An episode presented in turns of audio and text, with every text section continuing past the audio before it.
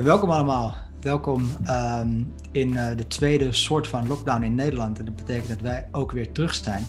Um, dit keer hebben we geen interviews, maar we hebben een hele serie lezingen op poten gezet over Nederlandse geschiedenis. Uh, met een radicale blik erop. Uh, met zes zeer interessante sprekers. Um, we zullen de komende maand elke week ongeveer een, een nieuwe lezing online zetten. Uh, we beginnen vandaag, ben ik heel blij mee, met Alex de Jong. met een lezing over Henk Sneevliet, antikoloniaal rebel in Azië en Europa. Misschien wel een van de meest invloedrijke um, Nederlandse socialisten in de internationale socialistische traditie. Um, als je in Amsterdam bent opgegroeid, dan ken je Henk Sneevliet vooral als een metrostation. En dan had je als kind geen flauw idee wie dat dan was. Um, maar daar gaan we vandaag veel meer over horen. Alex, de eerste, welkom. Ik zal je zo nog even introduceren. Hoe gaat het? Eh, hoe, was, uh, ja, hoe is het afgelopen half jaar voor jou geweest met uh, verschillende lockdowns en gekke situaties? Gekke situaties is wel een goede beschrijving. Ik denk dat het dezelfde problemen zijn voor iedereen. Gewoon het hele sociale leven is ontregeld, werk is onzeker geworden. Nou ja, dat zijn de zorgen waar een heleboel mensen natuurlijk mee zitten. Ja, want jij werkt uh, als, uh, als mede-director bij het International Institute for Research and Education in Amsterdam-Oost, IIRE. internationale, internationaal scholingsinstituut voor, voor linksactivisten, als het ware. waar veel mensen um, binnen linkse beweging in Nederland vaak lang zijn geweest ook. Um, hoe, is hoe jouw werk daar veranderd? Of, of ja, in principe schrijf je en lees je heel veel daar gewoon vanuit je eigen werkplek? Is dat nog een beetje hetzelfde? Of je hebt vooral nou, veel conferenties normaal, of niet? Ja, precies. En dat is natuurlijk helemaal stilgelegd. Een van de belangrijkste dingen die wij elk jaar organiseren zijn internationale scholingsbijeenkomsten voor activisten van over de hele wereld. Ja, dat is gewoon sinds het begin van het jaar uh, onmogelijk geworden. Dus we zijn ook gedwongen om onze manier van werken nogal drastisch te veranderen en bijvoorbeeld veel meer online te doen. Ja. Ja, zo ook wij. Uh, ik hoop wel dat het betekent dat je misschien nog meer tijd hebt om nog meer uh, geweldige artikelen te schrijven. Want voor degenen die uh, Alex niet kennen, en ik denk dat ik Alex nu zo'n, het zijn, twaalf jaar ken. Volgens mij hebben we elkaar voor het eerst gezien toen ik je uitnodigde te spreken bij een demonstratie voor de Nederlandse Bank, volgens mij. Is het goed? Is dat 2008 of zo zijn geweest? Ja. Um, oh ja, omtrent Griekenland, dat is een goede crisis misschien. Voor wie Alex niet kent, uh, Alex, uh, lid van Grenzeloos, een radicaal socialistische organisatie. Kleine organisatie waar mensen die al decennia actief zijn en denk zeker op intellectueel gebied een heel belangrijke rol hebben binnen Links Nederland. lid van de redacties van grenzeloos.org en ook van Historical Materialism. Um, en Alex, die het is bijna niet op te noemen, publiceert zoveel. als je op de site van Grenzeloos kijkt onder zijn auteurs naam uh, vind je tot 2003. Uh, een lijst misschien met meer dan 100 of honderden artikelen over echt van alles en nog wat. Alex zei veel over de Filipijnen en Indonesië. over Maoïsme, afgelopen jaren veel over Rojava en de Koerdische strijd gepubliceerd. Maar hij heeft ook ja, zeer goede analyses, over de, de opkomst van extreme rechts in Nederland. En het laatste artikel wat ik van hem voorbij heb zien komen, als ik het niet verkeerd heb, is op uh, Jacobin, waar hij ook vaak heeft gepubliceerd. Een uh, boekrecensie van Steven Kinzer's uh, nieuwe boek over CIA mind control programma's, MK Ultra. Um, ook zeer aan te raden. en ook over het onderwerp van vandaag. Henk Sneevliet heeft hij op grensloos.org een artikel staan van een aantal jaar geleden, waar we ook naartoe zullen linken. Um, dus dat gezegd hebben, Alex. Um, ja, zal ik me gewoon het woord geven? Ik ben, ik ben heel benieuwd. En we kunnen zo uh, aan het eind van je praatje wel uh, verder praten. Alle vragen die je erover hebt. Um, ik ga mezelf uit beeld zetten. En uh, ja. aan jou de ruimte om ons over Henk Sneevliet te vertellen. Oké, okay, dankjewel. Ja, ik wil vandaag eigenlijk twee dingen doen. Ten eerste is wat te vertellen over de levensloop van Henk Sneevliet.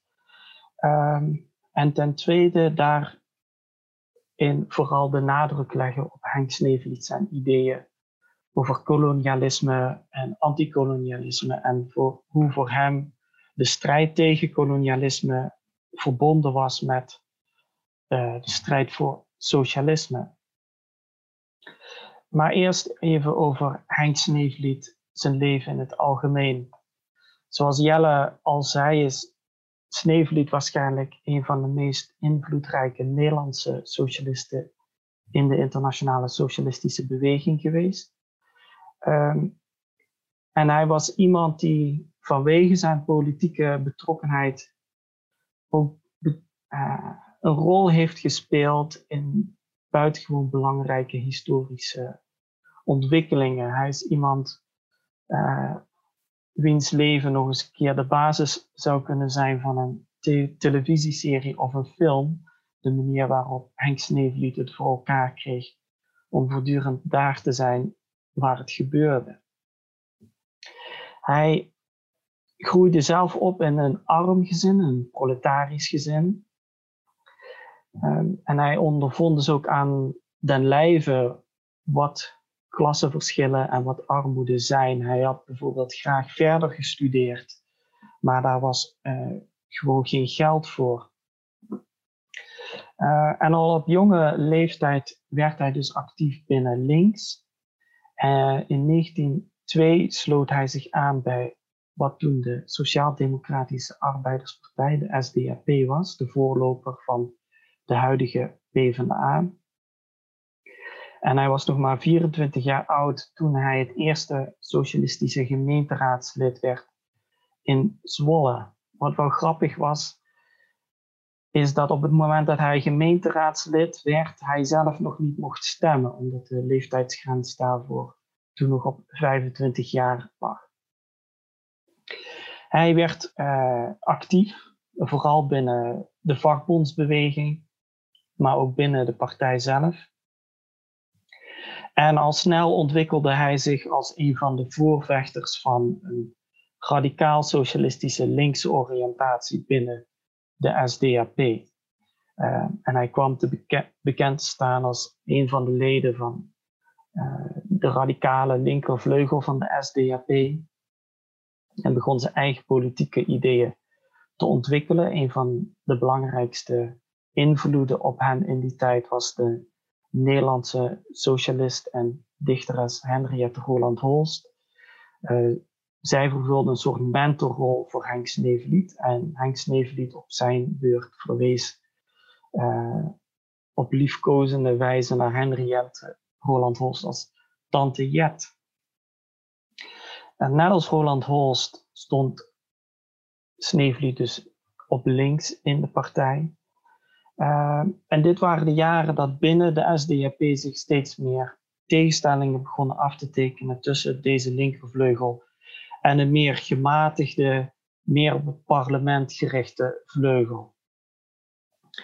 Um, en deze conflicten begonnen steeds heftiger te worden, omdat die ook resultaten hadden voor bijvoorbeeld de partij zich verhield tot uh, sociale strijd en tot de vakbondsbeweging. En in 1911 verliet Henk Sneevliet uh, de SDAP in eerste instantie, omdat deze geweigerd had een staking van haven- en zeelieden in Amsterdam en Rotterdam te steunen. En de SDAP had geweigerd deze staking te steunen, omdat de vakbonden die deze actie hadden georganiseerd niet aangesloten waren bij de vakbondcentrale gelieerd aan Sociaal-Democratische Partij. En voor Henk Sneevliet was dit gewoon een onacceptabele inbreuk op de noodzakelijke arbeiderssolidariteit. Uh, en hij besloot dus de partij te verlaten. En hij kwam in die jaren eigenlijk nogal geïsoleerd te staan binnen de, de beweging in Nederland. Uh, hij verloor zijn werk. En in 1913 vertrekt hij nou, op zoek naar een nieuwe toekomst, vertrekt hij naar Nederlands-Indië, wat toen nog Nederlands-Indië was.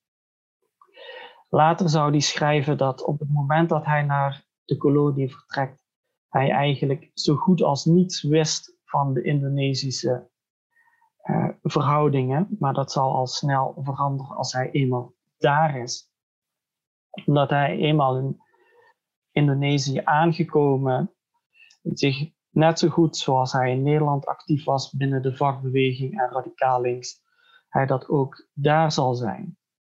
En hij vindt in eerste instantie een baan als secretaris van de handelsvereniging in Semarang, een belangrijke stad in Midden-Java.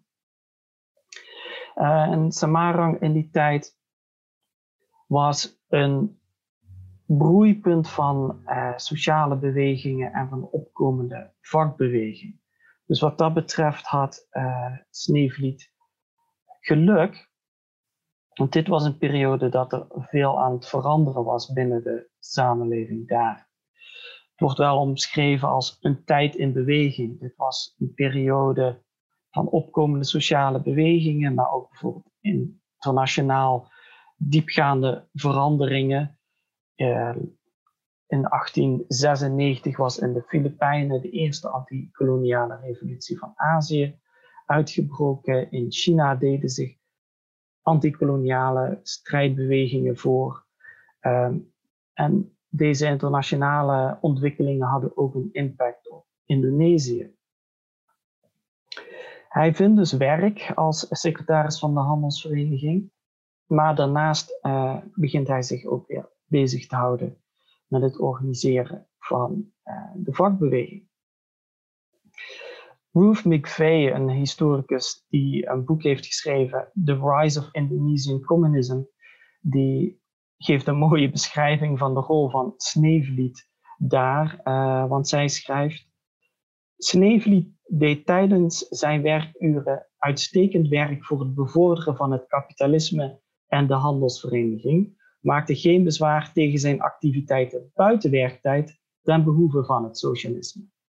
Het enige wat ze Sneevliet vroegen was om niet daadwerkelijk een revolutie te gaan organiseren. Maar dat was juist precies wat Sneevliet deed. Sneevliet werd actief in de Indonesische spoorwegarbeidersvakbond en maakte zich sterk voor een oriëntatie van de vakbond op de meest onderdrukte en uitgebuite uh, arbeiders. Als in 1917 de Russische revolutie begint, ontvangt hij dit nieuws ook uh, met enthousiasme. En hij schrijft een artikel uh, onder de titel Zegepraal, waarin hij de Russische revolutie omschrijft als de zaak van menselijkheid. Hij zag de revolutie in Rusland als een eerste stap naar het beëindigen van de Eerste Wereldoorlog. Want, zo schreef Sneevliet, de oorlog vloekt tegen menselijkheid. Het staat voor ons vast dat de Russische revolutie het einde van de wereldslachting zal verhaasten.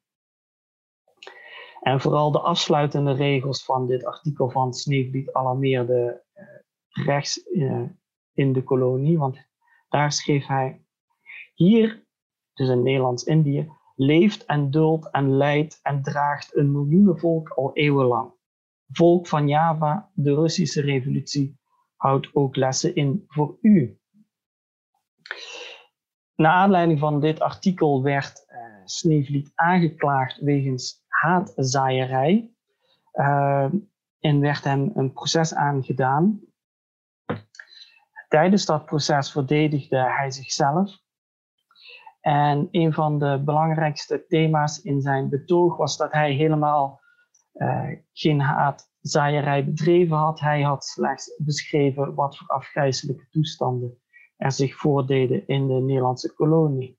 En als deze uh, omstandigheden bij mensen haatgevoelens zouden opwekken, zo stelde Sneevliet, dan was het probleem dus deze omstandigheden en moesten deze dus uh, veranderen. En als essentiële voorwaarde voor het veranderen van deze omstandigheden van racisme, van discriminatie, van uitbuiting, was voor Sneevliet het opbouwen van een sterke volksbeweging, een arbeidersbeweging. Sneevliet was zijn hele leven lang eigenlijk op de eerste plaats een organisator van dat soort bewegingen. In 1918 werd wordt hij dan toch uiteindelijk uh, uitgezet. En tegen die tijd heeft hij zich al aangesloten bij de communistische beweging en de communistische internationale, het samenwerkingsverband van communistische partijen. De radicaal linkse vleugel van de SDAP had zich een aantal jaren eerder afgesplitst in een meer radicale partij, de SDP. En in Nederland was dit ondertussen ook de communistische partij geworden. Sneevliet wordt dus actief binnen de communistische internationale en hij zal daar een belangrijke rol spelen, omdat hij eigenlijk een van de weinige communisten is die zelf ervaring heeft met de strijd tegen het kolonialisme en die vanwege zijn activiteiten in Indonesië ook ervaring heeft met het praktisch opbouwen van een beweging tegen koloniale onderdrukking en overheersing. Dit is een foto uh, uit 1920 in Petrograd. Uh, die persoon die spreekt is Henk Sneevliet. En direct achter hem staat Trotsky, beroemde, de beroemde Russische revolutionair, die hem vertaalde tijdens die toespraak. Waarschijnlijk sprak Sneevliet in het Duits en vertaalde Trotsky dat voor het plaatselijke publiek. Binnen de communistische internationale speelt in die jaren een heel debat over de rol van de antikoloniale strijd en over het potentieel van antikoloniale bewegingen om bij te dragen aan de strijd voor socialisme en ook om de weg te openen naar uh, socialisme. Um, daar zijn verschillende opvattingen over. Maar Sneevliet is uh, naast Lenin en M.N. Roy, een communist uit India, een van de activisten die ervoor pleit dat de antikoloniale strijd in Azië in de komende jaren een rol van wereldbelang zal spelen en dat deze strijd ook actief ondersteund zou moeten worden door de revolutionaire en linkse bewegingen in de koloniale moederlanden, in Europa dus. Hij zal onder andere uh, naar China gaan om daar namens de communistische internationale mee te helpen bij het opbouwen van de revolutionaire beweging. Dit is een foto van de pas waarmee hij uh, toegang kreeg tot uh, gebieden die onder controle stonden van de revolutionaire nationalisten, de antikolonialen in China. Dit zijn aantekeningen van Sneevliet van de toespraak van een toen nog vrijwel onbekende Mao Zedong, uh, die hij zag spreken uh, in die jaren, bij, in, dus in begintijd van het Chinese communisme.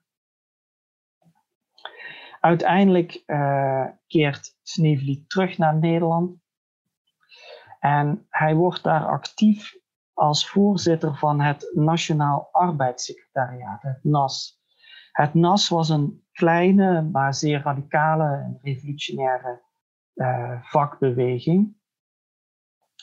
Um, die dus ook min of meer in concurrentie was met de sociaal-democratische vakbewegingen. NAS koos consequent voor een meer militante, meer revolutionaire koers.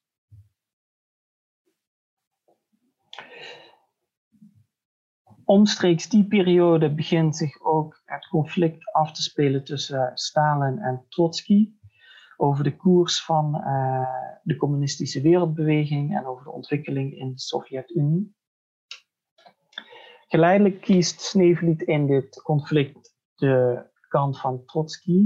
Dus Sneevliet keert zich tegen de steeds meer eh, repressieve wordende natuur van het Sovjetregime. Hij keurt de onderdrukking in de Sovjet-Unie af. Um, en hij zal zich uiteindelijk afsplitsen uh, van de communistische partij. En hij wordt leider van een nieuwe partij, de Revolutionair Socialistische Partij, later genoemd de Revolutionair Socialistische Arbeiderspartij. Dit is een foto van een verkiezingsaffiche. Het is een verwijzing naar de muiterij op het uh, marineschip De Zeven Provinciën. Dat is dat schip dat daar staat beeld. Daar was een muiterij uitgebroken van de Indonesische en Nederlandse bemanning, die uiteindelijk uh, met grof geweld werd onderdrukt. En omdat Sneevliet zich zeer duidelijk en luidkeels uh, aan de kant van de zogenaamde muiterij had uh, geschaard, werd hij weer opgepakt. En hij voerde dus eigenlijk campagne vanuit de cel. Dit is een foto van de verkiezingscampagne 1933 met de leus kiest Sneevliet uit de cel. Sneevliet van de cel in de Kamer. En uiteindelijk in 1933 wordt hij daadwerkelijk uh, dus ook tot Kamerlid gekozen namens de RSAP. Dit zijn natuurlijk de jaren van het opkomende fascisme. De RSAP is erg actief in de antifascistische beweging. Ook internationaal steunen ze bijvoorbeeld de strijd uh, van Spaans links tegen de militaire opstand van Franco in, in Spanje. Um, en daarnaast zijn ze natuurlijk ook uh, betrokken bij het steunen van uh, links in Duitsland en daarna in het onderdak bieden aan Duitse politieke vluchtelingen. Dus op het moment dat de nazi's Nederland binnenvallen, is dat voor uh, Sneevliet en zijn kameraden geen verrassing. En ze hadden zich al voorbereid op het voortzetten van de strijd, maar dan in ondergrondse vorm. Een deel van de RZP gaat ondergronds en organiseert wat ze het Marx-Lenin-Luxemburg Front noemen. Um, en hier zie je een foto van Spartacus Orgaan van het Derde Front. Dat was een publicatie van dit Marx-Lenin-Luxemburg Front. En het Derde Front was hun naam voor het front van, van de arbeiders en de onderdrukte.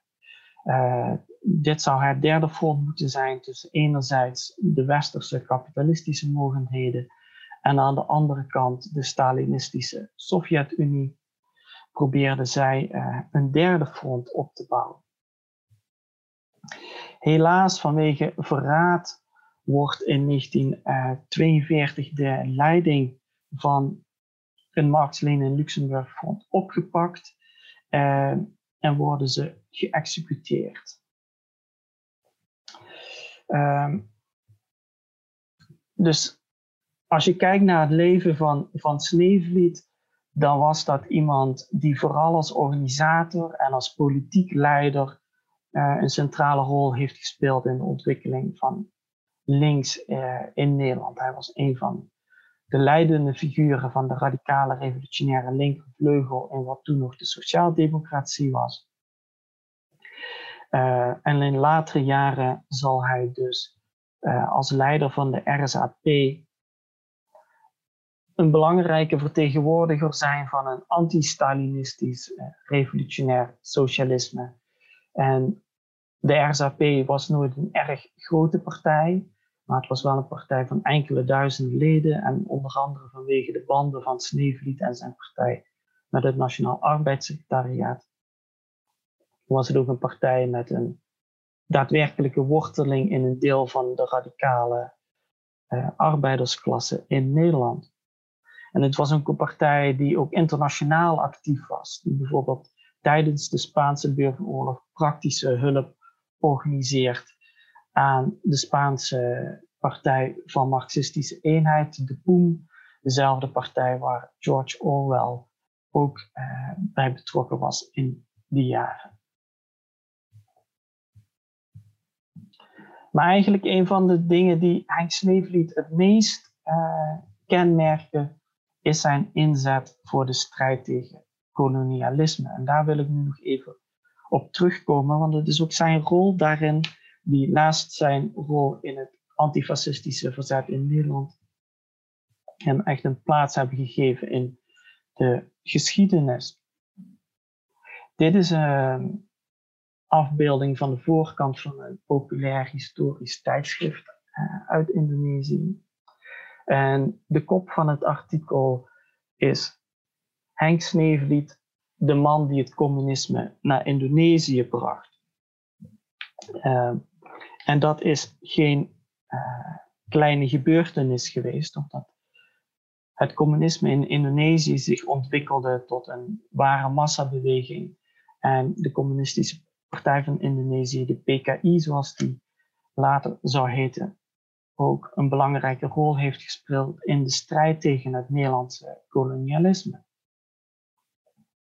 Nee, uh, was zo belangrijk en hij wordt hier omschreven als de man die het communisme naar Indonesië bracht, omdat hij het voortouw nam voor het organiseren van een politiek actieve socialistische organisatie in Indonesië. Er waren al socialisten in Indonesië, maar die hadden zich eigenlijk beperkt tot het inzamelen van geld voor uh, de Nederlandse Sociaal-Democratische Partij, de SDAP. En Sneevliet samen met een aantal andere van zijn kameraden, waaronder Assert Baars, neemt het voortouw tot het uh, organiseren van die beweging in een groep die daadwerkelijk actief is in Indonesië zelf en die ook contacten legt met de plaatselijke arbeidersklasse en die dus ook actief begint met het verwerven van steun onder uh, Indonesische arbeiders.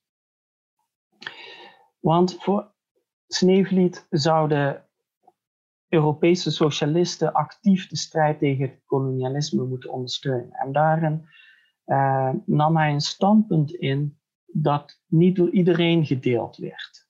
Binnen de SDAP was er een rechtervleugel die eigenlijk van mening was dat uh, kolonialisme aan zich uh, op een niet het probleem was. Dit was een, een stroming die uh, pleitte voor wat zij zagen als het zogenaamde beschavende karakter van kolonialisme.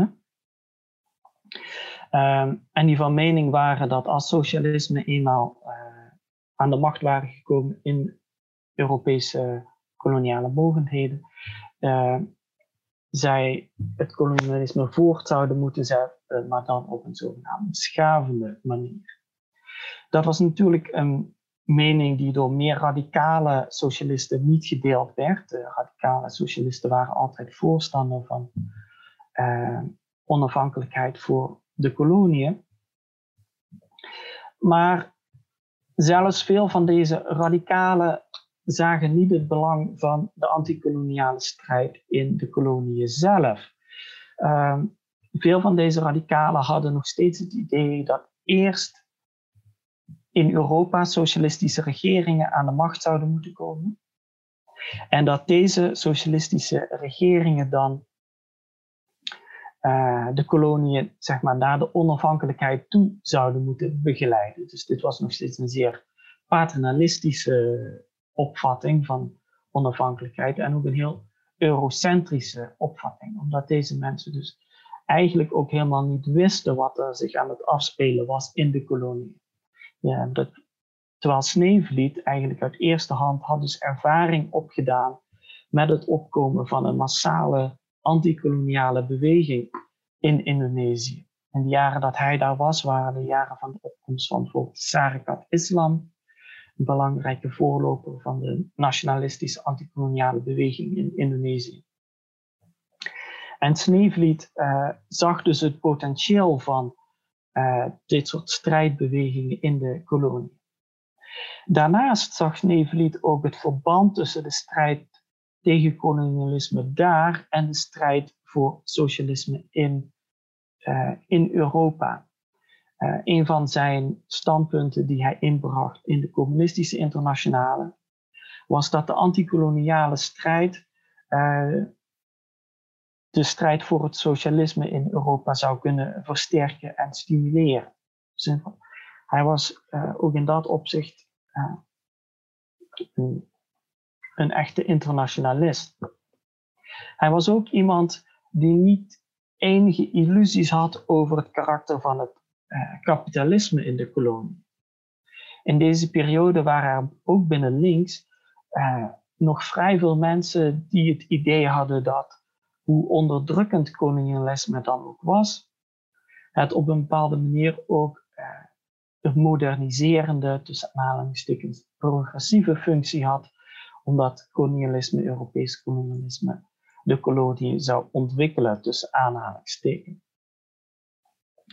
Uh, Sneevliet erkende echter dat het enige effect van het Europese kapitalisme in de kolonie was dat de uitbuiting daar uh, nog verder uitgebreid werd. Dus hij zag niks progressiefs uh, aan dit kolonialisme. Hij, waar, hij zag als de kracht in de geschiedenis die bevrijding en emancipatie mogelijk maakte, was niet een impersoonlijk kapitalisme of uh, de eurocentrische opvatting van socialisme, maar dat was altijd de strijd van onderop van de mensen die uh, in verzet komen zelf tegen hun onderdrukking en, en uitbuiting. En ik wil afsluiten met een citaat uit de verdedigingsrede van Sneevliet, waarin hij in 1918 uitlegt wat hem als socialist in Nederlands-Indië motiveerde om zich te verzetten tegen zowel kapitalisme als uh, kolonialisme. Hij zegt dat zijn standpunt hem het volgende voorschrijft. Verzet allereerst tegen zogenaamde openlegging van nieuwe gebieden voor kapitalisme. Tegen uitbreiding van de kapitalistische ellende over nieuwe slachtoffers. Laat de zogenaamd onbeschaafde stammen maar. Onze, tussen aanhalingstekens, koloniale beschaving behoeft uh, niet over hen opgelegd te worden. De winst die het kolonialisme uit de kolonie trekt en de arbeidersrevolutie in het uh, zal pas verhinderd kunnen worden door de strijd van onderop. De arbeidersrevolutie in het Westen kan slechts baat hebben van de strijd tegen deze winst in de kolonie. Deze strijd is het enige middel die de opheffing uit de ellende brengen kan. Dankjewel Alex. Heel erg interessant. Ik, uh, met name het laatste deel, uh, antikoloniale ideeën, uh, heel relevant is voor vandaag. Internationalisme, wat uh, toen zeker niet vanzelfsprekend was. Um, misschien kunnen we daar zo nog over doorpraten, maar misschien als eerste, hoe wordt Henk Sneevliet vandaag de dag herdacht? Ik weet, er is nog elk jaar een Henk Sneevliet herdenking. Um, wie komen er opdagen? Hoe wordt hij herdacht binnen voor de PvdA? Is hij daar een figuur dat wordt, die wordt genegeerd of, um, of zo wordt, wordt afgeslankt, gederadicaliseerd in, uh, in uh, hoe die wordt omschreven? Interessante historische figuur die we verder niet al te serieus nemen qua ideeën. Hoe, uh... Ja, je hebt inderdaad nog steeds elk jaar de herdenking van Henk Sneevliet en zijn kameraden op Westerveld.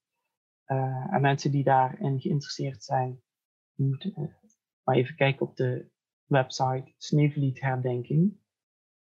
Dan kun je daar ook meer informatie vinden over het leven van Sneevliet. En dat is echt een herdenking die eigenlijk georganiseerd wordt door een groepje mensen uit radicaal links. En de mensen die daar komen zijn ook mensen uit radicaal links. En een aantal mensen die misschien vanwege uh, hun familiebanden hebben met de mensen die toen door de nazi's geëxecuteerd zijn. Binnen de PvdA is er denk ik niemand die aan Henk Sneevliet herinnerd wil worden. Uh, de PvdA is natuurlijk een partij die zich eigenlijk tot op het bittere einde verzet heeft tegen onafhankelijkheid voor Indonesië. En dit was ook de partij uh, waar in, in de voorlopers daarvan, dus de SDAP en de rechtervleugel van de SDAP, die opvattingen over zogenaamd uh, socialistisch kolonialisme vrij sterk aanwezig waren. Het heeft eigenlijk tot de jaren 30 geduurd voordat de SDAP überhaupt een standpunt innam over kolonialisme. En toen namen ze het standpunt in dat de koloniën zo snel mogelijk onafhankelijk moesten worden. En het addertje onder het gras is natuurlijk de formulering zo snel mogelijk. Want voor, ze namen Wanneer is het mogelijk, volgens hun analyse? Precies, dus een van hun voorwaarden die uh, onafhankelijkheid mogelijk zouden moeten maken, was uh, alfabetisering in de koloniën. Nou, als je weet dat in 1945 uh, nog maar 1 op de 20 Indonesiërs kon lezen en schrijven, dankzij die beschavende invloed van het Nederlandse kolonialisme, kun je nagaan hoe lang dat zogenaamde beschavingswerk nog had moeten voortgaan voordat ze tot conclusie waren gekomen dat het eindelijk tijd was voor onafhankelijkheid. Uh, maar wat betreft de manier waarop Sneeuwvliet nog herdacht wordt, ja, jij refereerde er al een beetje aan in het begin hij wordt hier en daar nog wel herinnerd, vooral als antifascistische verzetstrijder, omdat hij natuurlijk samen met een aantal van zijn kameraden geëxecuteerd is door de nazi's. Uh, wordt hij op die manier nog wel herinnerd, maar zijn hele zijn socialistische overtuigingen en zijn, radicale opvattingen over kolonialisme en ook over revolutionair socialisme in Nederland en in Europa, uh, ja, die verdwijnen eigenlijk uit het zicht op die manier. Ik denk, denk je dat dat ook de, de reden is dat hij hier in Amsterdam een, uh, een straat naar zich vernoemd heeft gekregen en een metrostation? Als hij niet door de nazi's gefuseerd was in 42, dat hij misschien nog wel meer in de vergetelheid was geraakt. Ja, dat denk ik wel. Ik denk als hij niet door de nazi's uh, gedood zou worden, gedood was, dat hij nog veel meer doodgezwegen zou worden. Ook omdat hij eigenlijk altijd in de oppositie zat. Niet alleen wat betreft als radicaal en als revolutionair in Nederland. Maar hij was ook een anti-Stalinistische revolutionair, een anti-Stalinistische communist. Dus de communistische partij Nederland moest ook helemaal niks van hem hebben. De, de communisten in de jaren 30 hebben Sneevliet zelfs uitgemaakt als, voor fascist en voor agent van Nazi-Duitsland. Persoonlijke vrienden van Sneevliet in de Sovjet-Unie, maar ook in Spanje werden gemarteld en vermoord door de Stalinisten. En vervolgens dus, brak hij ook nog een keer met Trotsky, of Trotsky met hem. Dus was hij daar ook nog eens verder in geïnstalleerd? Ja, um, in eerste instantie sympathiseert Sneevliet uh, met Trotsky. Uh, dan doen zich er een aantal politieke meningsverschillen voor tussen Sneevliet en Trotsky. En het, het waren allebei niet de makkelijkste mensen om, om maar een eufemisme te gebruiken. Um, maar die conflicten die werden nog erger, ook weer door de rol van uh, Stalinistische agenten in Europa, die eigenlijk valse informatie over Sneevliet stuurden naar Trotsky. Um, maar daar, er speelden ook daadwerkelijke meningsverschillen tussen Trotsky en Sneevliet over bijvoorbeeld de rol van het uh, Nationaal Arbeidssecretariaat. Trotsky vond dat socialisten zich niet zeg maar, moesten opsluiten of isoleren in zo'n radicale, maar vrij kleine vakbeweging, maar zich juist moesten aansluiten bij de, de mainstream beweging, de grote vakbeweging, en daar actief uh, moesten zijn. Maar dan hebben het vooral over hoe die herdacht wordt, of uh, herdacht wordt op dit moment in Nederland. Maar uh, volgens mij wordt die in China en Indonesië een veel prominente rol toegedicht in hun um, geschiedschrijving van antikoloniale strijd en communisme. In, in China wordt hij inderdaad nog herdacht. Um, hij was dus als vertegenwoordiger van de Communistische Internationale, van de Comintern, aanwezig bij de eerste en misschien in ieder geval bij de tweede vergadering waarin de Chinese Communistische Partij werd opgericht. Hij was daar onder zijn schuilnaam Maring aanwezig. En in bijvoorbeeld de officiële Chinese geschiedschrijving van de geschiedenis van de Communistische Partij wordt deze Maring nog inderdaad eh, herdacht en genoemd. Maar zijn latere oppositie tegen Stalinisme, zijn sympathie eh, voor Trotsky. Uh, dus al die dingen die zeg maar niet in de politieke lijn van de Chinese Communistische Partij passen, die worden eigenlijk totaal genegeerd. Alleen dat kleine stukje van zijn leven waarin hij dus in China was, uh, wordt uh, in herinnering gebracht. Ja. En in Indonesië? Ja, in Indonesië, ik liet die voorpagina van dat tijdschrift zien. Ja. Uh, onder mensen die zich bezighouden met de geschiedenis van links in Indonesië is Sneevliet wel een bekende naam. Onder andere ook vanwege de boeken van de schrijver Pramudya Anantatur. Die heeft een beroemd viertal boeken geschreven, het zogenaamde Boeroe-kwartet. Uh, en dat gaat over deze uh, begintijd van de nationale en antikoloniale beweging in Indonesië. En daarin komt Sneevliet ook uh, af en toe voor. vooral met naam en toenaam in het laatste deel komt hij voor als een radicale Nederlandse antikolonialist.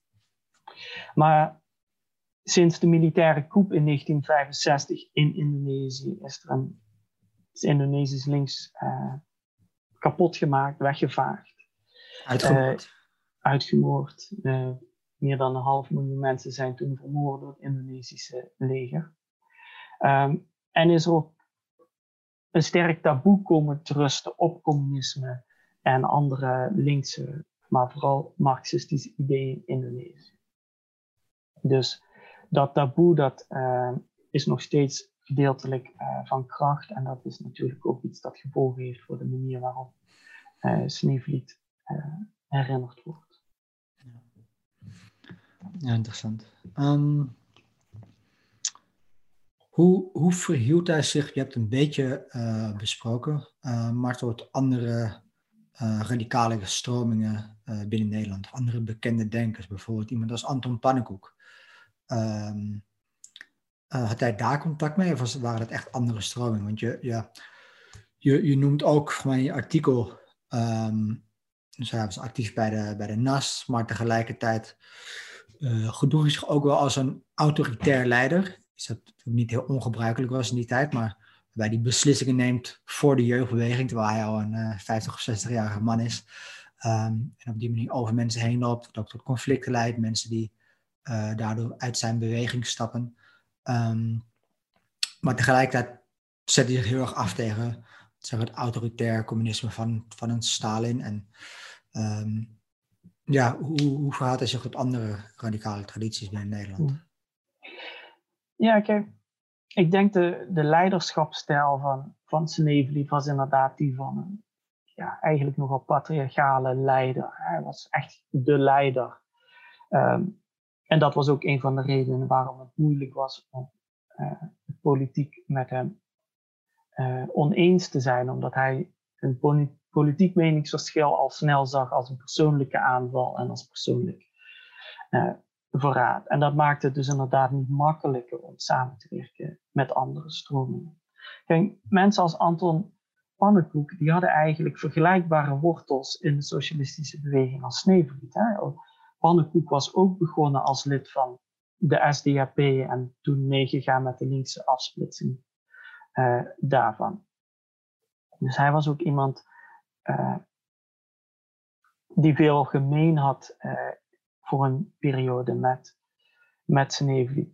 Het grote verschil tussen hem en Snevely is eigenlijk dat Pannenkoek tot de conclusie komt dat de wortels van het Stalinisme al in het Leninisme liggen en het idee van een uh, revolutionaire partij, zoals dat door Lenin en anderen was ontwikkeld en in praktijk gebracht. Uh, terwijl Sneevliet uh, juist tot de conclusie was gekomen dat dit essentieel was. Dat bijvoorbeeld een radicale vakbondsbeweging als het NAS een politieke vertaling moest hebben in de vorm van een partij. Dus in de vorm van de revolutionair socialistische arbeiderspartij. Um, binnen die beweging, binnen het NAS, zijn ook wel andere stromingen aanwezig, hè, van revolutionaire syndicalisten, uh, van communisten. Um, maar eigenlijk zo tegen het einde van de jaren 30 is de revolutionair socialistische arbeiderspartij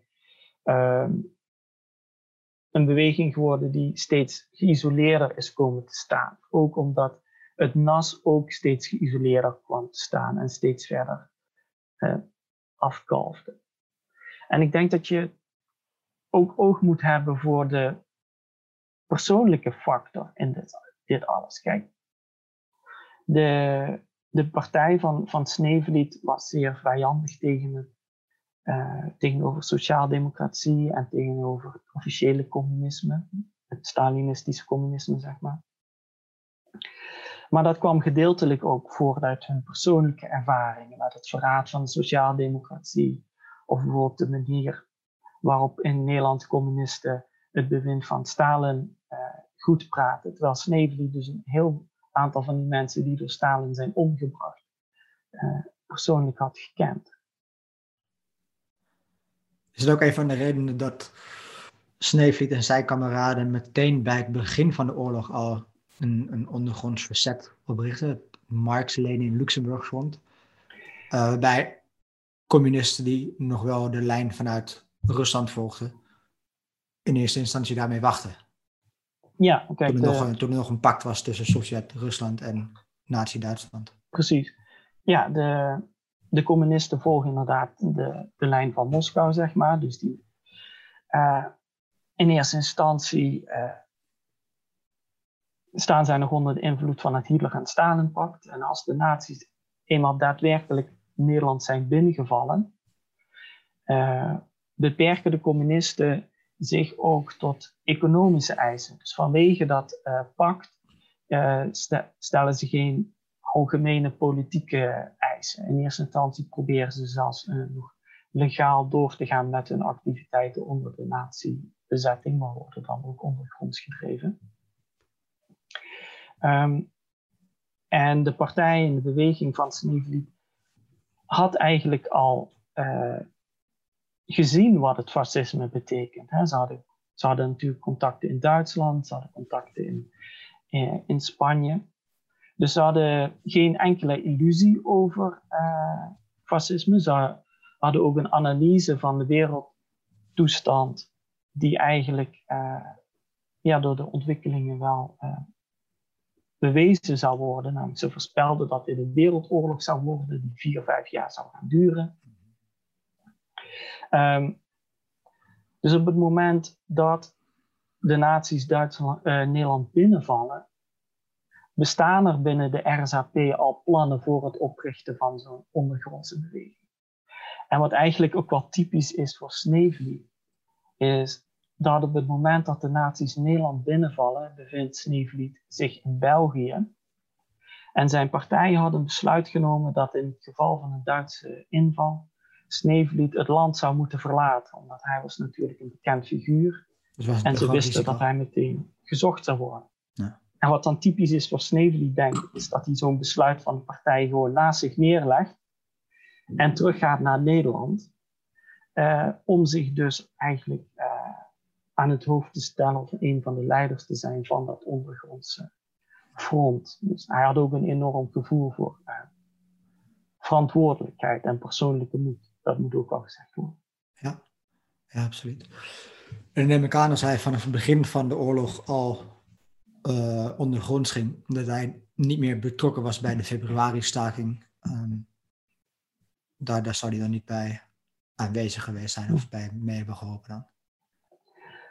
Nee, maar het Marx, Lenin Luxemburg Front heeft wel op hun manier uh, een rol daarin gespeeld.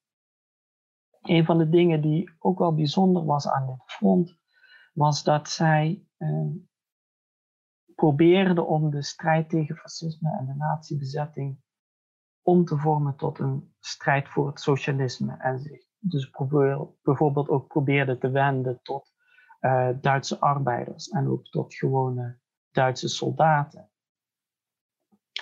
Uh, en in de aanloop naar de februari-staking verspreidt het front uh, op verschillende plekken ook propaganda in de vorm van graffiti en affiches, et cetera. met als strekking dat in antwoord op de Jodenvervolging de Nederlandse arbeidersklasse in staking moet gaan. Dus uit solidariteit met de Joodse bevolking moeten arbeiders hun belangrijkste strijdmiddel, de staking, gebruiken. En op het moment dat die februari-staking uitbreekt, is dit op het initiatief van leden van de Communistische Partij. Um, en is dit eigenlijk voor Sneevliet en zijn kameraden in het front een bewijs dat zo'n derde front uh, van arbeiders mogelijk is. Dus een, een, derde front of een derde kamp van nog het kapitalistische Westen, nog het Stalinistische communisme, Sovjet-Unie. Ja, interessant. Eén vraag waar ik nog ehm, misschien nog verder op in kunnen gaan, uh, wat betreft antikoloniale gedachtegoed. In die periode dat hij uh, is in China geweest, Indonesië geweest, Rusland, ehm, heel veel dingen gedaan daar, maar komt weer terug naar Nederland en is dan ehm, nog enkele decennia actief, vooral vanuit Nederland, als ik het goed heb. Uh, en zijn antikoloniale strijd, of ieder geval ideeën, zijn een, een vast onderdeel van zijn gedachtegoed. Um, wat erg belangrijk is, denk ik, uh, dat daar een, een, stem is die dat uh, op die manier vertolkt. Maar heeft hij op dat moment nog actief uh, contact met Indonesische arbeidersbewegingen, de Communistische Partij? Um, en vindt er enige coördinatie van, van actie plaats? Um, gaat dat zover? Of is het meer dat hij van Nederland gewoon een antikoloniaal gedachtegoed verspreidt en zegt hoe het anders moet in de koloniën? Nee, er bestaan ook uh, meer concrete banden. Um, kijk, die beweging waar Sneeuwlied in zijn periode in wat toen nog Nederlands-Indië was, uh, zo'n belangrijke rol in speelde, wordt begin jaren twintig de communistische partij. En deze partij groeit al snel. Maar in 1926, 1927 uh, rolde Nederlandse koloniale bewind de Communistische Partij van Indonesië, de PKI, eigenlijk op. Uh, er is een opstand uitgebroken waarin leden van de PKI een belangrijke rol spelen. Die opstand wordt onderdrukt. En de Nederlandse kolonialen nemen een groot aantal leiders van de PKI gevangen en verbannen uh, een aantal van deze leiders naar een gevangeneneiland. Uh, boven Tigo heette dat. En in Nederland uh, is Nederland wel actief in solidariteit met dit soort gevangen leiders. hij is ook in contact met Indonesische antikoloniale activisten die in Nederland gevestigd zijn je had bijvoorbeeld Indonesische studenten die dus in Nederland, in Nederland studeerden en die vanuit Nederland actief werden in de strijd tegen het kolonialisme. En Sneevliet had contact uh, ook met die mensen. En bijvoorbeeld in bladen waarin, uh, waarbij Sneevliet betrokken was, publiceerden dat soort mensen ook hun artikelen. Dus bijvoorbeeld Mohammed Hatta, die later de vice uh, premier-president van Indonesië wordt en een van de mensen die de Indonesische onafhankelijkheidsverklaring ondertekent, publiceert ook artikelen in tijdschriften uh, waar Sneevliet bij betrokken was. Dus het was zowel politieke steun en solidariteit en praktische solidariteit voor politieke gevangenen in de kolonie. Oké, heel erg interessant. Um, Heel erg bedankt. Uh, ik denk dat het uh, iemand is die um, belangrijk is om te herdenken en zijn gedachtegoed te, te blijven bekijken. Of je nou communist, socialist, anarchist bent, um, kunt erkennen als een, een, belangrijk iemand in onze socialistische geschiedenis. Um, dus ja, super interessant. Heel erg bedankt. Graag gedaan. En ja, misschien tot de volgende keer. En voor alle kijkers. Um, we hebben dus de komende weken nog een aantal lezingen. Dus uh, kijk volgende week weer op dit kanaal. En uh, ja, je ziet de volgende lezing. Enorm interessante sprekers bij. Tot ziens.